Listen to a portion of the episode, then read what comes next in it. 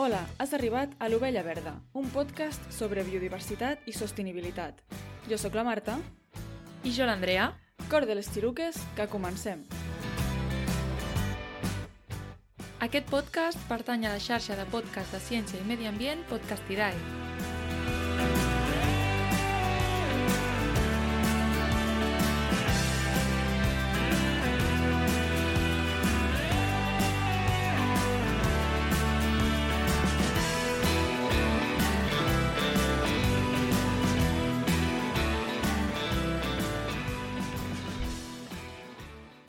possible que algun cop t'hagis trobat pel carrer un pollet, un animal ferit o malalt i no hagis sabut què fer. Per això avui parla volem parlar de la rehabilitació de fauna, des de què hem de fer quan ens trobem un animal al carrer fins què passa quan ja arriba a un centre de recuperació de fauna. Uh, per tant, avui hem convidat a la Mireia Carol, que és biòloga i autora del blog Biologeando, qui ha treballat rehabilitant fauna en centres de recuperació de fauna salvatge. Hola Mireia, què tal? Hola, molt bé. Gràcies Hola. a vosaltres. Hola, Andrea. Hola, Marta. Gràcies a vosaltres per convidar-me a l'Ovella Verda, que em sembla un podcast molt, molt interessant i amb continguts molt necessaris. Doncs nosaltres encantades de, de tenir-te aquí. Ja podem començar per la primera pregunta, que és, a part de biologia, eh, què t'ha portat a, a treballar aquí? Bé, doncs, quan jo vaig acabar biologia vaig estudiar auxiliar tècnica, veterinària, perquè la veterinària sempre m'havia cridat l'atenció i a diferència de la majoria de gent que el que fa és fer pràctiques en clíniques veterinàries d'animals domèstics, jo vaig fer en una estació biològica on també feien recuperació de fauna.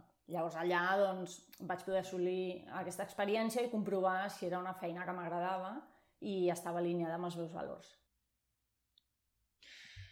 Perfecte. Eh, entrant ja una mica amb la temàtica, amb el que deia abans, de que moltes vegades ens podem haver trobat un animal ferit o així, clar, eh, primer crec que hauríem de saber què hem de fer si ens trobem un animal eh, ferit al terra o saber una mica doncs, què és el primer que, la nostra primera actuació, què hauríem de fer. I depèn això també de l'animal que ens trobem. Val, clar, aquí sempre estem parlant d'animals eh, salvatges, no animals domèstics de, com gossos o, Sí. o gats, val? Això, bueno, per deixar-ho així clar. Llavors, la primera actuació, que pot semblar una mica així contradictòria, és eh, no fer res. En el sentit de, hem de valorar de si realment està ferit o necessita la nostra ajuda o no. Perquè sí que és veritat que de vegades, doncs, amb aquest afany com de voler ajudar o, o encara que es faci amb bona intenció, hi ha persones que agafen animals del medi natural que no necessiten la nostra ajuda, simplement doncs, estan vivint allà. I, i bueno, doncs sí que tenir una miqueta de, de coneixement d'aquestes espècies, estic pensant ara mateix en tortugues o, o eriçons, per si realment els hem d'agafar. Si veiem que sí, que l'animal té problemes, llavors el primer que hem de fer seria trucar al 112. Va, vale. vale. Això ja ho hem dit moltes vegades nosaltres, Sí, que s'ha de trucar al 112 abans de fer qualsevol Sí. altra cosa. sí, no? Sí, perquè sí, em sí. sembla que teniu algun capítol també sobre aquest tema. Sí, exacte. Tenim un episodi, és en castellà, però de la nostra primera temporada, de què fer si trobem un pollet al terra. Sí, que de fet Clar. bueno, és com un altre canal ja de podcast, no? perquè es diu La Oveja Verde i el vam deixar allà, sempre estarà, sempre es pot consultar, perquè hi ha informació que es podria actualitzar, però hi ha d'altres que, per exemple, aquest, que és el de què fer quan trobes eh, un ocell al terra, doncs va- ja vam comentar que depèn de quina espècie i de, i de l'edat del pollet, o sigui, de l'edat de l'ocell. Val, sí, bueno, si no ara fem també així un recordatori ràpid, no? Sí, perquè perfecte. dèiem que havíem de trucar al 112 i eh, en principi doncs, esperar les seves indicacions i no fer res més. Clar, si veiem que aquell animal està en perill, eh, que està a prop d'una carretera o en una zona amb gats o amb, molta, amb moltes persones, sí que mentre esperem eh, o bé a que el vinguin a buscar o si ens han indicat que l'hem de portar en algun centre o en alguna clínica veterinària que, que col·labori amb els agents rurals, el podem apartar d'aquest perill, sempre i quan no ens posem en perill nosaltres, evidentment, o, o l'animal. Eh, no és el mateix apartar una tortuga a prop d'una carretera que, jo què sé, si et trobes mm, un porc senglar ferit al mig de la carretera on passen a tope de cotxes i, i l'animal ens pogués mossegar. Per tant, aquí compta, eh? Uh -huh. La idea és que si nosaltres veiem eh, una, un animal que ferit o veiem alguna cosa, sí, bueno, visiblement ferit, no? aparentment uh -huh. ferit, uh, si truquem a la veterinària, per, perquè imagina't que hi ha gent que no sap que s'ha de trucar al 112, si truquem a la veterinària, eh, això ens costa diners? Eh, bueno, està costant diners, podríem dir, a, a la veterinària, perquè li estem traient doncs, eh, temps de feina que potser hauria de dedicar als seus animals, però més que diners potser no sap concretament el protocol que hi ha en aquell moment d'actuació Uh -huh. Llavors, eh, potser ens podria donar indicacions que no són les correctes i és quan hi ha aquests problemes de, que sembla el joc del telèfon realment, que et diuen no, truca aquí, truques allà. Uh -huh. Ai, no, però és que has de trucar aquí. Llavors, a vegades la gent diu, ostres, és que aquí ningú m'informa i ni em diu res. Per tant, si truqueu al 112, sempre us derivaran als agents rurals o us podran orientar a, a, a, al que s'ha de fer en aquell moment. Clar, Fins... més fàcil. Uh -huh. I que això, i que, i que tu mateixa que simplement tu tindràs una ajuda gratuïta, perquè no sé si potser la gent es pensa que al trobar-te un animal ja no l'ajudaràs per falta de diners o el que sigui, no ho sé, però que llavors que si truques al 112, doncs ja està. Que... Sí, sí, perquè a més sobre, la incidència i s'ha de gestionar, vull dir, es trigui més o es trigui menys, aquell animal serà atès. Clar, uh -huh. hem d'entendre també que segons l'època de l'any, si és en ple estiu, amb els plans alfa, aquests d'incendis tan horrorosos que hem tingut, per exemple, doncs potser, si han d'anar els agents rurals a buscar-lo, potser trigaran més. Llavors, no vol dir que, que passin dels animals, sinó que, clar, eh, a vegades van desbordats també. Mm.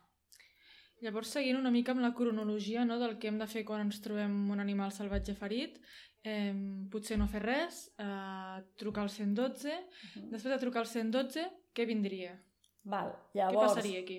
Eh, ens poden haver donat algunes pautes, mm, o bé per portar a nosaltres l'animal on ens hagin indicat, o mentre venen els agents rurals. Sempre i quan, com deia, es tracti d'un animal que no sigui perillós per nosaltres. Estic pensant, doncs, per exemple, en aus, no? Llavors el que hem de fer, doncs, el típic, el poses en una caixa, mm, de cartró si pot ser, perquè així no li entra la llum i està més tranquil, amb alguns forats perquè pugui respirar i doncs, deixar-lo en una zona on, on el seu estrès sigui el mínim. Perquè hem de pensar que, que de l'estrès doncs, també es pot agreujar el seu problema o fins i tot eh, produir-li la mort. Res d'allà manipular-lo o fer-te la foto per pujar-lo a les xarxes socials, no. Contra més tranquil, millor. I després de parlar sobre el que hem de fer, què és el mhm. que mai hem de fer? Val, doncs mira, lligant una mica amb això, doncs eh, no manipular-los, com ja han dit, si suposa un perill per nosaltres, que de vegades hi ha animals que poden semblar molt monos, no, diguéssim, però en situació mm, d'estrès ens pot atacar, mossegar o, jo què sé, un gran rapinyaire amb les seves urpes ens pot fer molt de mal. Eh, què no hem de fer? Eh, Manipular-lo en excés i, sobretot, que és una cosa que es fa molt, no donar-li res de menjar. Si no, li pode... si no és necessari, no cal donar-li ni menjar ni aigua. Ara, si tu veus que aquell animal està molt apurat o passaran moltes hores fins que el puguis portar al centre, Pots intentar, en el cas dels ocells, doncs, donar-li una mica d'aigua, acostant-li eh, gota a gota a la punta del bec, amb una xeringa, per exemple. Si veu per ell sol, perfecte. Si està tan fatal pobret que no pot, doncs millor insistir, no deixar-li ni un plat amb aigua ni amb res, perquè es podria arribar a ofegar. Penseu que bueno, les narius, no? el forat del nas dels ocells, a vegades està molt a prop de la punta del seu bec. I sense mm. voler, doncs, podria entrar-li aigua per allà. I menjar, doncs, no.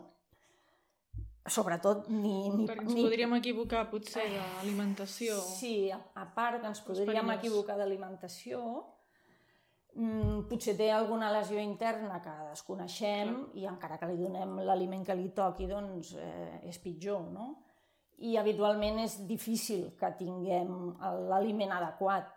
De vegades doncs, són insectes o, o pastes específiques d'aquella espècie. Llavors, doncs, eh, millor no donar-li res per no agrejar el problema. Uh -huh. Val.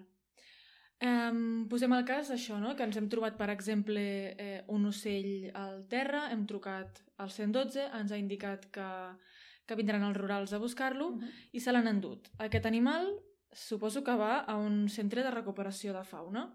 Exacte. Eh, què passa un cop arriba allí?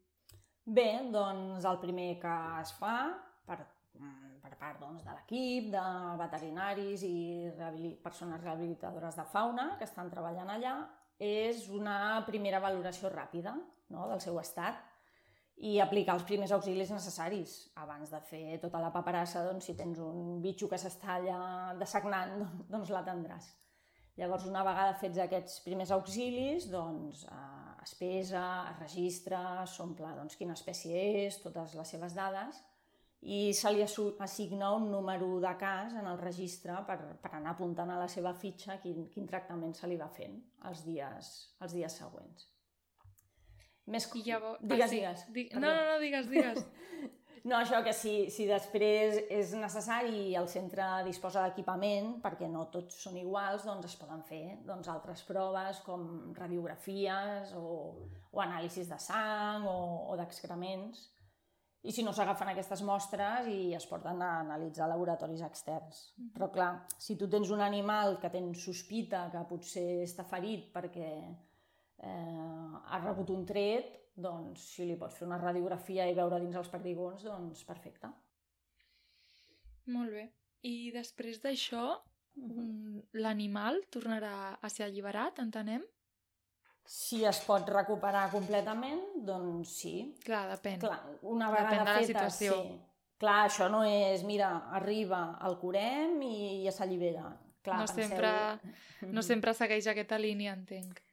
Sí, primer, bueno, una vegada s'han fet aquestes cures més urgents, diguéssim, després eh, l'animal passa a la, bueno, a la UBI, a una vigilància intensiva, diguéssim, que és un lloc més tranquil que les gàbies exteriors i és més fàcil, doncs, anar controlant si menja, si no, i observar-lo.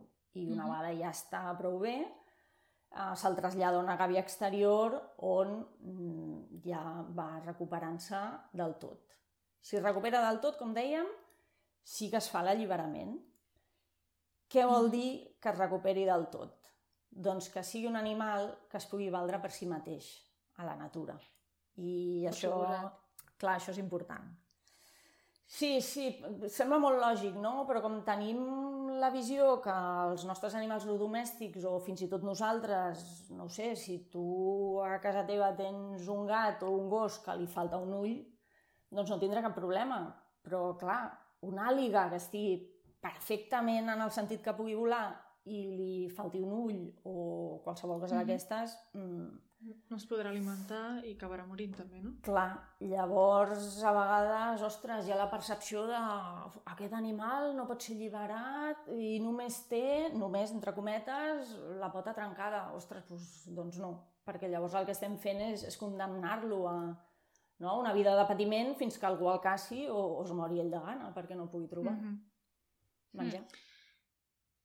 El paper dels centres de recuperació de fauna eh, és vital per tots aquests animals que, salvatges doncs, que estan ferits, estan malalts o que no es poden eh, recuperar per si sols a la natura.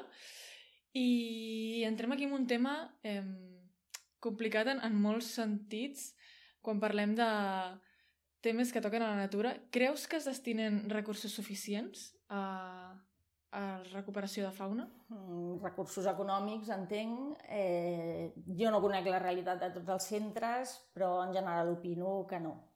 No es destinen recursos suficients perquè hi ha èpoques o que no hi ha prou personal o, o veus que les instal·lacions es queden curtes perquè potser t'entra molt volum d'animals i pot arribar a passar que no hi hagi prou gàbies, per exemple, de recuperació, o equipaments obsolets, o un altre tema també paliagut, que això dona per un altre debat, i treballen persones que estan en pràctiques o voluntàries que opino que haurien de tenir alguna remuneració Sí, quasi Però- no hi ha llocs de treball.